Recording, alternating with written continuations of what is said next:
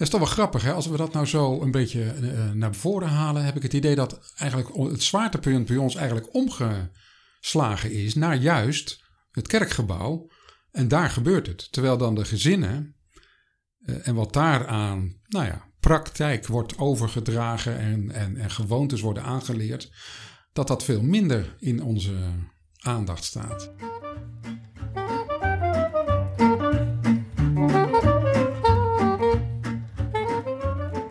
Huis, tuin en kerk. De podcast. Hartelijk welkom allemaal. Fijn dat jullie weer aangesloten zijn of willen luisteren naar een uh, gesprek tussen Giel en, uh, en mij. Ik ben Simon van der Lucht. Giel Vleesenbeek zit tegenover mij en wij gaan weer een aflevering maken van onze podcast Huis, Tuin en Kerk.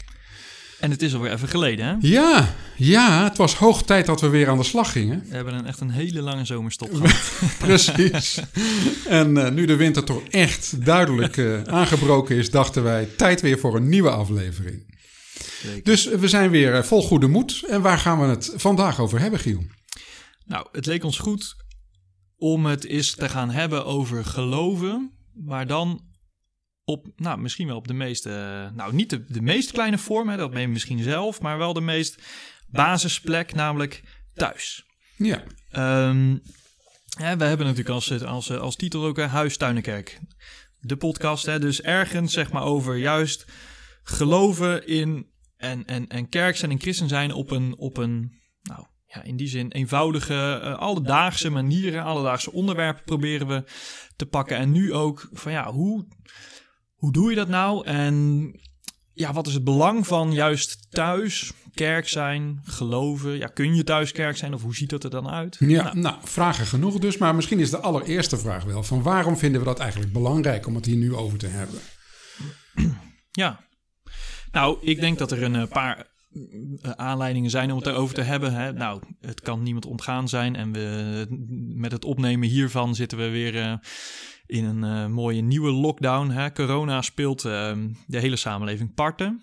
En dat heeft ook zijn weerslag op hoe we kerk zijn. En er zijn al verschillende suggesties gedaan van... Hè, moeten we niet ook veel meer uit die grote kerkgebouwen terug naar thuis... Nou, dat is ook trouwens best wel ingewikkeld, juist door allerlei bezoekregelingen. Maar goed, hè, die neiging van joh, maar zitten we juist met die kerkgebouwen niet ook op een verkeerd spoor? En zitten we niet veel te veel als kerk, nou, grote bijeenkomsten? Moeten we niet terug naar die basis? Gewoon thuis, uh, vormen, manieren om, ja, God te aanbidden, om kerk te zijn, om te vieren. Uh, nou, dat is, dat is denk ik een belangrijke aanleiding. Ja, ja, ja, ja. ja. En het tweede, denk ik, die, uh, die we ook wel tegen elkaar gezegd hebben, is van wat is nou eigenlijk ondertussen de praktijk? Ook al voor corona, rondom die huisgodsdienstoefeningen. Ik zeg het een beetje groots en, en, en misschien wat ouderwets. Maar gewoon, wat gebeurt er nu eigenlijk rond Bijbel lezen, bidden met elkaar? Wordt daar tijd voor genomen? Is daar eigenlijk tijd voor in het drukke leven van wat we met elkaar hebben? Kortom, ja, dat zijn ja. toch wel aanleidingen om met elkaar eens na te denken over hoe gaat dat nou en welke ja, gedachten kunnen we daar met elkaar over ontwikkelen. Hè? Ja, nou, dat, dat denk ik ook, hè? want we leven echt in een haastige cultuur. Uh, we hebben voor weinig dingen tijd en laat nou net geloof een van de dingen zijn die lastig valt, ja, hoe zeg je dat, uit te oefenen als je gehaast en ja. afgeleid bent door allerlei prikkels. Ja. Uh, uh, je kunt dan nog prima op je social media kijken, maar uh, juist eh, godsdienst en geloven, dat vraagt om een bepaalde vorm van verstilling. En nou, we zitten in een tijd en we leven daar waarin we dat, dat, on, ja, dat ontbreekt. En ik merk het zelf ook in mijn eigen praktijk als als predikant, als ik, uh, als, zeker als ik jongeren erover spreek, hè, van hey, hoe doe je dat nou in je persoonlijk leven? Nou, ze vinden dat echt moeilijk. Ja. Om ja. daar vormen voor te vinden die bij ze passen. Ze hebben wel het gevoel dat er van alles moet, maar het lukt niet. En soms ontbreekt er ook wel eens een beetje, uh, ja, misschien wel doorzettingsvermogen of zo. Ik weet, ja, ik weet eigenlijk niet zo heel goed. Is het doorzettingsvermogen of nou, is het gewoon uh, ja, de oefening zelf? Of, ja. Ja. Nou ja, er komt dus ook bij, denk ik, dat we in die zin een verschuiving aantreffen van, uh, nou, bijvoorbeeld het Bijbels dagboekje Hè, wat je bijvoorbeeld aan tafel met elkaar nog leest bij de Bijbellezing, naar veel meer eh, digitale middelen. Ja. Ehm, de podcast of kleine podcasts over een Bijbelgedeelte kunnen misschien weer meer in de aandacht staan. Maar de vraag is wel: gebeurt dat ook? Want wat je zegt is volgens mij heel erg waar. Eh, dit zijn eigenlijk een beetje trage activiteiten. Ja. En wij zijn heel erg van de gedachte van, oh, maar als ik nou eventjes nog eh, vijf minuten over heb, nou, dan kan die podcast van vijf minuutjes er wel in. Ja. Kortom, het moet wel efficiënt in mijn hele drukke leven passen. Ja. Nou, daar ligt ergens een soort spanning waar we, ja, ja hoe, hoe, hoe zijn we daar nou mee bezig en hoe kunnen we daar ook verder in komen? Ja, ja, precies. Nou ja, ja. En want ergens vind ik het zelf ook wel aan, aantrekkelijk klinken. Hè? Van nou ja, weet je wat, ik moet toch nog even eh, dit of dat doen of nog daar naartoe. Dan kan ik dan mooi eventjes een podcastje luisteren. Hè? Die Eerst Dit podcast is natuurlijk eh, erg populair. Die hoor ik vaak. Hè? Wordt ook heel positief gewaardeerd. Terecht ook, denk ik. Maar als je hem op zo'n manier inzet, is dat nou Ja, ja. Is dat dan op een goede manier jezelf oefenen in, eh, in ja, huisdienst, godsdienst? Of hoe zeg je dat? Huisgodsdienst. ja en, en, en dan om ook maar een klein beetje alvast te bedenken hoe dat vroeger was.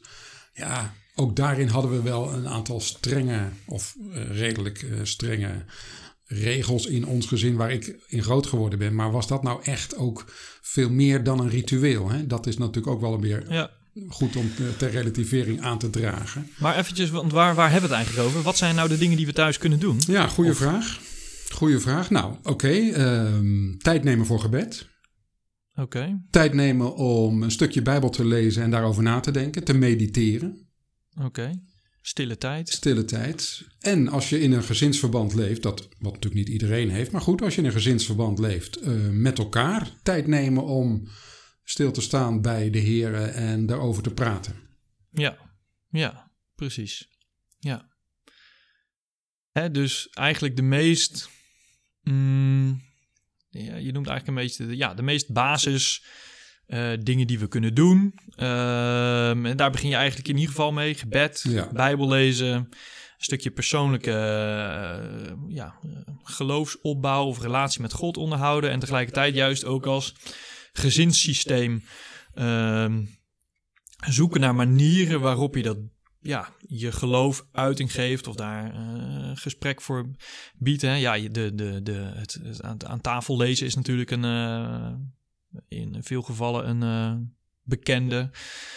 De zondag, zondag eh, ochtendkoffie na de kerkdienst eh, met allerlei preken, besprekingen met van die pubers die weg willen op de bank. Ja. Ja, ja, precies, dat soort dingen. Nou ja, daar hebben we het eigenlijk over, ja. Ja, ja, ja. Nou ja, nu zijn er ook nog wel volgens mij een paar, ehm, paar andere dingen. Hè? Die, je hebt bijvoorbeeld ook nog wel bijvoorbeeld het meeleven met de feestdagen. Hè? Bijvoorbeeld ehm, van die adventsprojecten. Hè? We zitten nu, als we deze podcast opnemen, is het een beetje advent net geworden. En daarin kun je ook als gezin met adventskalenders en Ja. lezingen en roosters, maar ook soms ook juist door inderdaad kaarsen of zo, hè, kun je veel meer nog die, ja, eh, het gevoel, zeg maar, en, en, en de ervaringen daarin aanspreken. En nou ja, ook een, een beetje herfsttafel, om zo te zeggen. Ja, En hetzelfde geldt volgens mij ook weer met Pasen. Hè? Als het bijvoorbeeld de stille tijd eh, aanbreekt, de vaste tijd. Hè? Hoe ga je als gezin, ja, hoe doe je daarin mee? Precies. Eh, ja, ja, dat is mooi om inderdaad dat jaarcyclus of die jaarcyclus gedachte er ook bij te halen. Van hoe leeft dat nou en hoe geef je daar nou vorm aan met elkaar in, ja, in je gezinskring.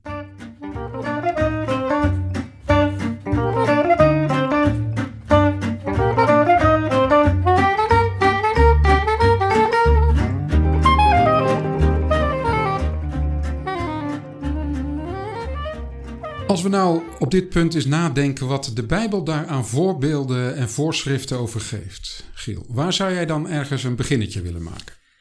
Nou, ik moet dan eigenlijk eh, als eerste denken aan het Nieuwe Testament, aan, ehm, aan handelingen waarin eh, eh, de eerste gemeenten worden gevormd. En dat zijn eigenlijk toch in vrijwel alle gevallen, maar zeker als de eerste gemeenten echt worden gevormd, hè, dat, dat, ja, dat zijn gewoon huisgemeenten.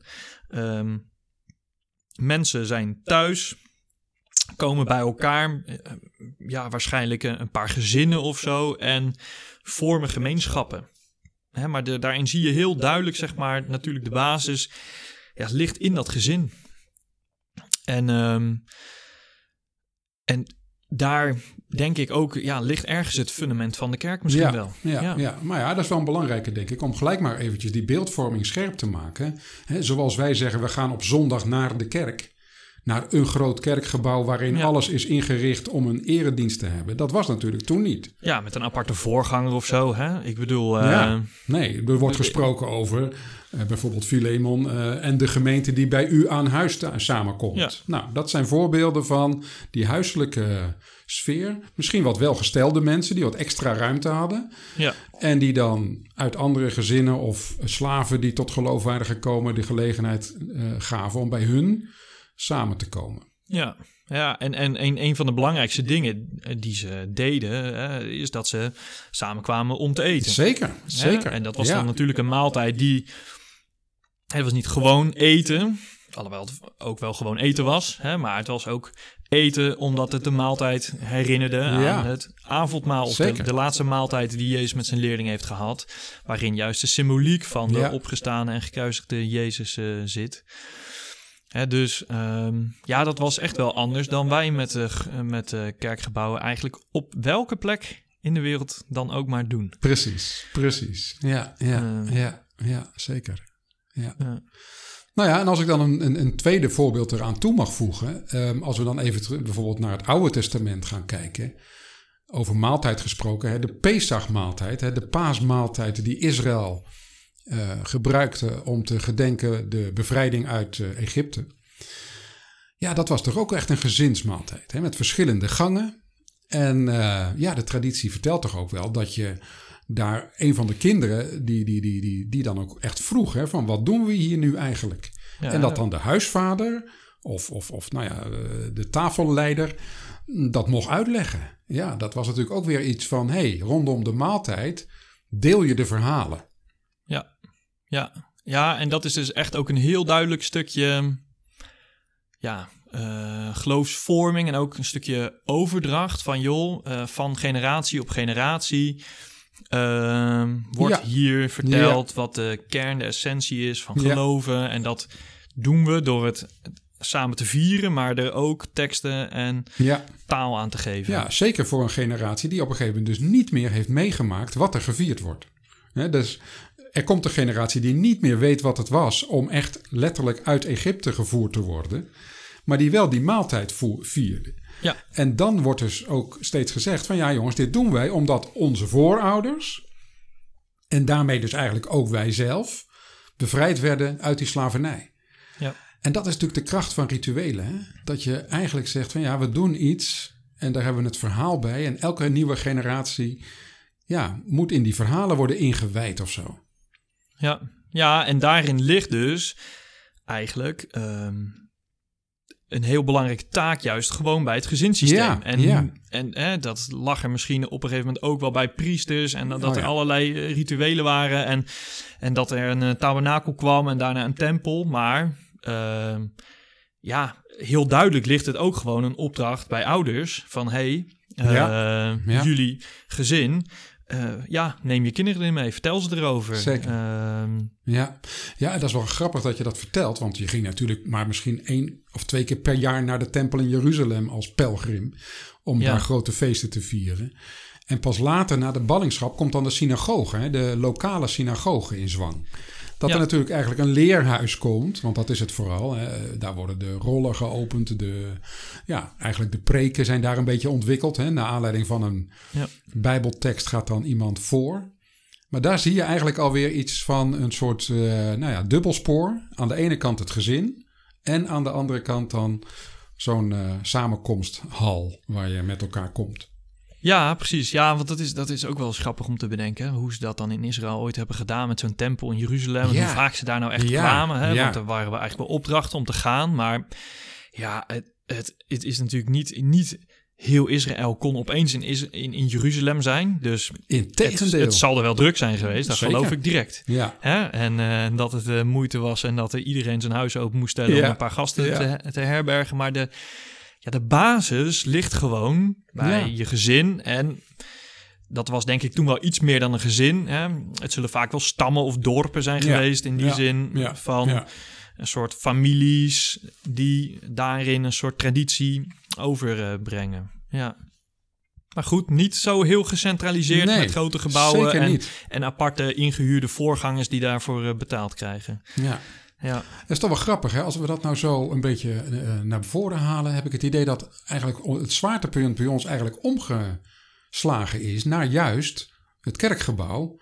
En daar gebeurt het. Terwijl dan de gezinnen eh, en wat daaraan, nou ja, praktijk wordt overgedragen en, en, en gewoontes worden aangeleerd, dat dat veel minder in onze aandacht staat. Heb jij ook de indruk? Nou, ik dat, nou, als je dat zo zegt, ja, dat eigenlijk wel. Hè? Dus de, de kerk, maar ik, ik merk dat zelf in ieder geval ook heel erg in het jeugdwerk. Hè? Mm. Dus dat er veel gewoon verwacht wordt dat ja, de kerk dat doet of zo. Hè? En dat Ja. wordt niet zo uitgesproken, Nee, hè? maar er zit wel een, toch een soort. Eh, ergens een onderstroom waarin dat toch ja, de verwachting is. En als, eh, als eh, kinderen geloven niet zo interessant vinden, dan wordt er naar de kerk gekeken. Ja, ja. Van ja, maar jullie moeten het ook interessanter maken. ja. In plaats van dat ja, ouders dat in eerste instantie op zichzelf betrekken. Ja, ja, dat is wel grappig nu je dit vertelt. Het, dat dat haalt bij mij een verhaal op van jaren geleden. Dat ik werkte in de gemeente en eh, voordat ik hier in Zwolle kwam. En er was een gezin. En die stuurde per definitie hun kinderen niet naar catechisatie. Niet naar mentoraat of rood, zeg maar. Want ze vonden dat gewoon dat dat thuis moest. eh. En nou, na een aantal jaren werd dus de oudste van dat gezin, eh, die, die, die kwam naar voren van ik wil beleidnis doen. Nou, toen wij dus een gesprek met hem, voer, met hem voerden, echt, ik viel van mijn stoel zoveel als die wist. en ik dacht, ja, ja, Ja. Wat hebben we dan eigenlijk ehm, nog extra toe te voegen als die jongen dat thuis zo ongelooflijk goed weet? Ja? Dus toen dacht ik, oeps, ja, je kan wel denken dat de kerk het allemaal moet bieden, maar dat kan natuurlijk ook in een huissfeer, in gezinssfeer, heel erg gestimuleerd worden. Nou precies.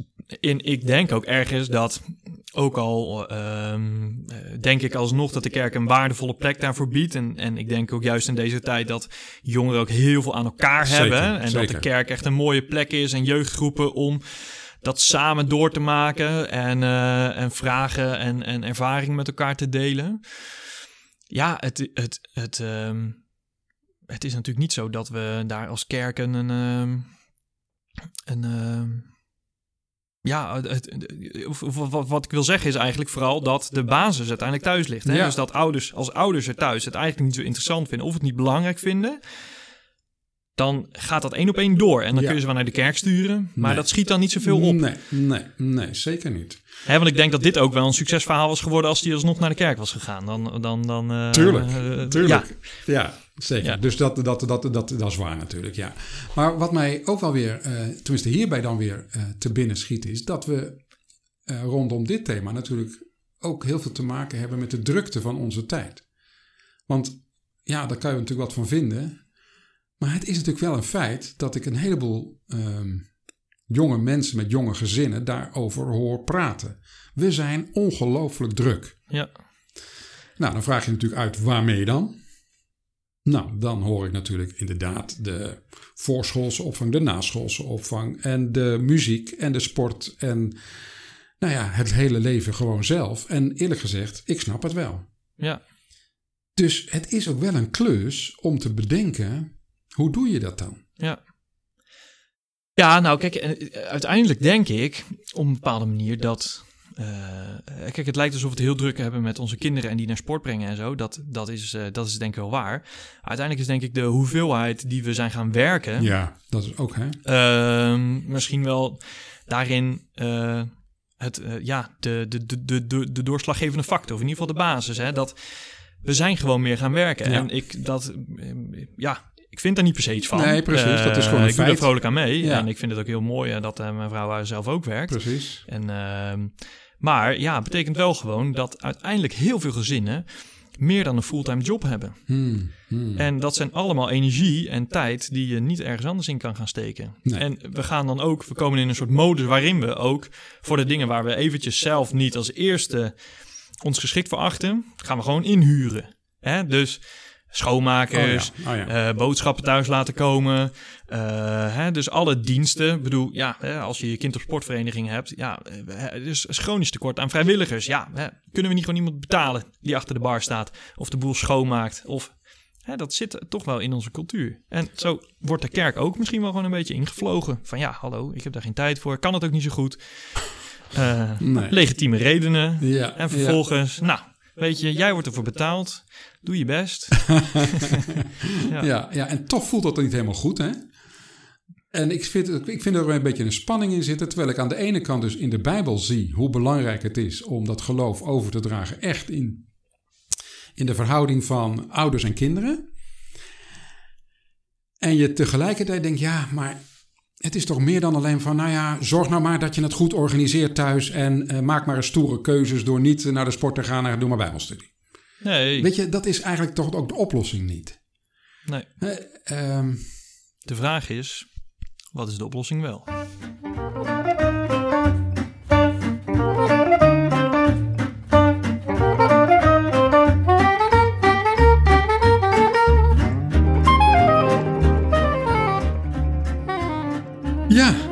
Is de vraag. Wat is de oplossing dan wel? Nou, hier komen ze. Optie, oplossing 1. Ja, jij begint nu, hè? Je zegt toch je werk op? Nee, nee, Ja. nee, nee. Het is natuurlijk niet zo makkelijk om de dingen op te lossen. Ehm, ik denk dat het er wel... ehm, het- eh, ik denk dat het in ieder geval dus wel begint met een stukje bewustwording. Hè? Ja. Dat, dat blijkt eigenlijk keer op keer dat als het om geloven gaat... dan is er niets belangrijker dan een gelovig voorbeeld. Ja, Ehm, iemand die laat zien hoe wezenlijk het geloof voor hem is en hoe belangrijk dat is. Ehm, daar, kan echt, daar kunnen geen woorden tegen op, daar kunnen geen podcasts Nee. tegen op, geen, geen Nee. toffe filmpjes. Je hebt het gewoon nodig dat je van dichtbij ziet wat geloven is, eh, waar dat raakt, hoe, hoe dat relevant is in het leven. En ergens als dat in, eh, in, in, in, in mensen doordringt, denk ik, dan, dan ga je in ieder geval, ja, dan begint het ergens met van, oké, wacht eventjes, ik kan dit, ik kan dit niet uitbesteden, hè? dus ik, ik kan, tuurlijk kan ik wel de, in, in de kerk ook geloven en Mhm. dat werkt allemaal mee, Mhm. Maar er zijn geen belangrijke influencers, zou ik ook willen zeggen, en, en, eh, voor jonge gelovigen dan hun ouders. En trouwens ook nog eventueel andere volwassenen ook in hun systeem. Ehm, dus, daar, dus een stukje bewustwording daarvan en echt die, die, die, die vitale plek die je inneemt zien. Ja, Nou, dat, ja. Is, dat is denk ik een... eh, Nou, daar wil ik wel een mooi verhaal over vertellen over mijn eigen vader. Want ik weet dat wij inderdaad een, een, een, een- strak eh, ritme hadden van bijbellezen bij het, eh, na, de, na de avondmaaltijd. Maar goed, ja, eh, wat mij echt fotografisch is bijgebleven, dat mijn vader een keer las uit Jezaja, Jezaja 1, van al zijn uw zonden als, als scharlaken, ze zullen worden als witte sneeuw. En daar schoot hij bij vol. oh ja. Nou, mijn vader was niet bepaald een emotioneel man. En toen dat gebeurde, echt, ik bevroor bijna. Ik denk, wat gebeurt er met mijn Ja. vader? ja, ja, En weet je, ik heb dat eh, nooit met hem nagevraagd. Van, joh pa, wat was dat nou? nee, precies. Maar het is wel dat wat je eigenlijk net vertelt. Voorbeelden. Hè? Mijn Ja. vader werd daarin een voorbeeld. Hoe blijkbaar zo'n... Die Ja. bijbeltekst hem diep in zijn ziel raakte. Ja. Daar, daar, daar, ja, daar werd hij emotioneel van. Nou, en dan opeens ook alle andere dingen die hij ooit heeft gezegd of gedaan, krijgen dan, Ja. hè, alhoewel ze misschien eerst nog een beetje, hè, krijgen dan opeens een duiding of zo. Ja. Van oké, oh, hij meent het. Hij meent het. Ja, En misschien is dat ook wel een van de dingen die het allerbelangrijkste is rond dit onderwerp. Hè? ja. Nou, in die zin vind ik het ook wel leuk. Eh, Heb ik ook, eh, dan ga ik ook even mijn vader eh, aanhalen. Die leeft nog, maar die, ik, ik heb in de zomer van dat deed ik dan vakantiewerk en dan moest ik naar een houthandel. En ik moest me vroeg uit bed, jongen. maar ja, mijn vader deed dat altijd. Die stond altijd vroeg, terwijl hij ambtenaar was en is, vroeg, vroeg eruit en op tijd op kantoor. Nou, ik was 's ochtends echt helemaal niks waard, joh. En ik zat dan aan het ontbijt en ik hoefde niks. En ik was moe, moe, moe. En, dan, en toen kwam ik erachter dat mijn, mijn vader daar gewoon altijd een heel ja, trouw, een, ja, de Bijbel las en bad. En ik werd eventjes zeg maar een soort van kort getuige van een, van een stukje rust aan de, aan de ontbijttafel... die voor mij als kind altijd heel druk was. Mijn broers en zussen Ja, ja, en chaos ja, en zo. Dat we Bijbel gingen lezen en ik dacht, oh joh, hij doet het nu ook. ja, ja, precies. Het, ja, En dat, ja, ik, weet je, ik zie die beelden zo nog voor me. ja, Ja, ja. Oh, grappig. ja. Ja, mooi. Ja, Ja, dus en, en, en ik denk ook wel dat ik. ehm, ehm, ja, dat ik de, de, de, de voorbeelden van adventskalenders en zo. Ja. Ook van thuis. Ja, ja die, die, die, zeker die kerstsfeer, het proef waarin zeg maar dat opeens weer eventjes. Ja, waarin echt een inhoudelijk kerstfeest werd gevierd, Ja. om maar zo te zeggen. En, en, en, en doen jij en Martine dat nu ook? Eh, dat soort eh, eh, voorbeelden of zo, ja, dat soort rituelen proberen Nou, in te... Ja, nou, we, we, hebben nu ons oudste is twee, hè, dus het is niet zo dat we daar. ehm, eh, ja, volgens mij kunnen we ook niet heel veel in doen. Het is wel dat we nu echt een, een ja, we hebben een peuter adventskalender Ja, ja. gekocht. Ja, Ja. we kwamen er tegen en we dachten, nou ja, Ja. waarom ook niet? Ja, Dus eh, een verhaaltje begon eh, bij Zacharias en dan zit er een zoekplaat bij. Nou, waar, zit, waar is Zacharias? En die, en die adventskalender is een grote uitvouwposter die je neer kan zetten. Hartstikke leuk. Maar we hebben het er ook wel over gehad. Bijvoorbeeld van kunnen we, en daar hebben we nog geen antwoord op gevonden, maar kunnen we bijvoorbeeld de doop van onze kinderen, oh ja. ehm, een, kunnen we daar ook een, een ritueel op geven? Hè? Dat je een, een je, bijvoorbeeld de, de, de doopdag Ja, ja. ook een soort jaarlijks terug laat komen als een markeringsmoment van hey, Ja. dit is heel mooi. God en jij, eh, daar is wat gebeurd. Ja. Ja, en ik denk dat dat ook aansluit bij wat volgens mij vroeger in de vroeg-christelijke kerk ook eh, heel belangrijk werd, hè, je doopdag. Want toen die, die, die cultus van je verjaardag vieren, dat was volgens mij helemaal niet vroeger, maar wel in de christelijke traditie de dag Ja. waarop je gedoopt werd. En voor sommige mensen was dat ook de dag waarop je een nieuwe naam kreeg. Ja, ja precies. En dat, dat, ja, zeg maar, dat, dat is eigenlijk Ja, wel een hele mooie een om, soort om, eh, wedergeboorte hè? in precies, die zin. Hè? Kijk, ja. wij- we komen natuurlijk uit een traditie waarin we kinderen dopen. Dus Ja. dan is ja, wedergeboorte, eh, het is zeker wel een thema. Maar ja, omdat ze ook pas net geboren zijn, eh, voelt dat niet zo heel erg. Hè? Maar zeker waarin er meer volwassenen gedoopt worden, ja, dan is dat een- nog een logischer markeermoment. Maar ik denk dat het ons wel kan helpen hoor, om voor dat soort momenten, rituelen Ja. te bedenken. We- ja. eh, ja, iets fysiek, iets tastbaars of iets. eh, Ja, dat is wel grappig, want een heel andere invalshoek is dat ik zelf gemerkt heb dat toen eigenlijk juist onze kinderen allemaal uit huis waren, wij eh, vormen hebben gevonden voor onze persoonlijke gebedsleven en bijbelleesleven, die eh, ook een, eh, een vorm kregen die we toen daarvoor niet hadden. Bijvoorbeeld dat wij een knielbank hebben laten maken Oh ja, door een bevriende meubelmaker. ja, En met, dus met, met zo'n leesstandaard erbij. En dat we daar dus dagelijks naartoe kunnen om eventjes een paar minuten op die knielbank te lezen, te bidden, te stil te zijn, ja, kaars erbij aan te steken. Nou, dat zijn rituelen die eigenlijk bij ons thuis pas we, eh, mogelijk werden toen alle kinderen weg waren. Ja. En misschien als bemoediging voor alle jonge ouders die nu zich eh, eh, ja, eh, soms afvragen van hoe doe je dat dan met je drukke leven? Ja, nou ja, soms is het er maar een beetje, ja, nou aantobben is misschien te, te negatief gezegd, maar ik vind wel een levensfase na je kinderen ja, geeft ook weer nieuwe kansen. ja. En dat Ja. is ook een, nou, is ook zo, ja, zo, zo zit het leven ook in elkaar. Nou, dat is ook zo, hè? Want je, daar heb je alleen al een vrij plekje in je huis voor nodig. En Ja. soms is dat gewoon gevuld met kinderkamers. Dat bedoel en, ik. eh, waar moet die bank dan nou, staan? dat Ja. bedoel ik. Dus Nou. toen wij weer een kamer vrij hadden, dacht ik, nu gaat het gebeuren. Daar maar wij... misschien ook, hè, want er- tegenwoordig is de fitnesskamer en de inloopkast in één kamer ook wel een soort eh, in de mode. Ja, Dus misschien ja, moeten we hier de suggestie doen om van, hey, denk ook eens na of daar niet gewoon een knielbank moet staan. Ja, ja, of bid jij op de loopband? ja, precies. En als je dat doet. ja. Nou, oké.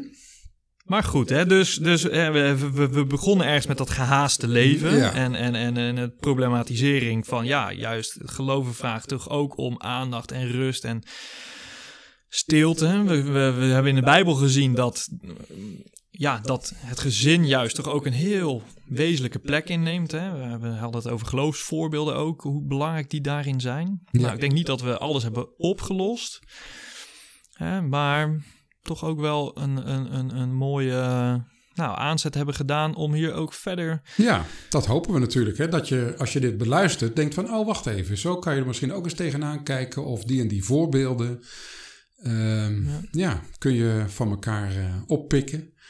En uh, wat dat betreft is het misschien juist ook wel leuk uh, dat je misschien mensen in je eigen omgeving hebt in dezelfde levensfase.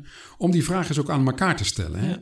Van, hoe doen jullie dat thuis dan? Nou, met, uh, ook, ja, alleen al met uh, welke kinderbijbel lees je? Of uh, welke liedjes zing jij thuis? Of, ja. Nou, dat, dat misschien ook gewoon een, gewoon een tip. Nou, hè? precies. Zeker omdat je ook soms... ik kan maar, nog een laatste voorbeeldje dan. Hè. Wij, wij zongen dus zondagavond ook altijd aan tafel liederen. Ehm, ja, dat is op een gegeven moment ook wel weer gestopt. We hebben het ook nog niet in ons eigen systeem weer terug ingebracht. Maar ja, er zijn ook mensen die dat echt nooit hebben gedaan. Maar Nee. soms kom je ook opeens weer achter van... hé, hey, nou, dat is een optie. Ja, Of dat is een vorm. Ja. Oh, wat grappig. Ja. Nou, dit kan of dat kan. En ja, nou ja, zo hopen we dat deze podcast ook weer eh, een stimulans is. ja. We gaan hem afsluiten eh, voor nu. Als jullie nou denken van joh, laten ze daar eens de volgende keer over spreken. Of als je denkt van nou, naar aanleiding van dit gesprek heb ik nog wel wat eh, te melden. Schroom niet. Je kunt ons eh, bereiken en wij denken graag eh, mee over een vervolg of over gewoon weer een ander onderwerp. Waarin we huis, tuin en kerk met elkaar gaan combineren.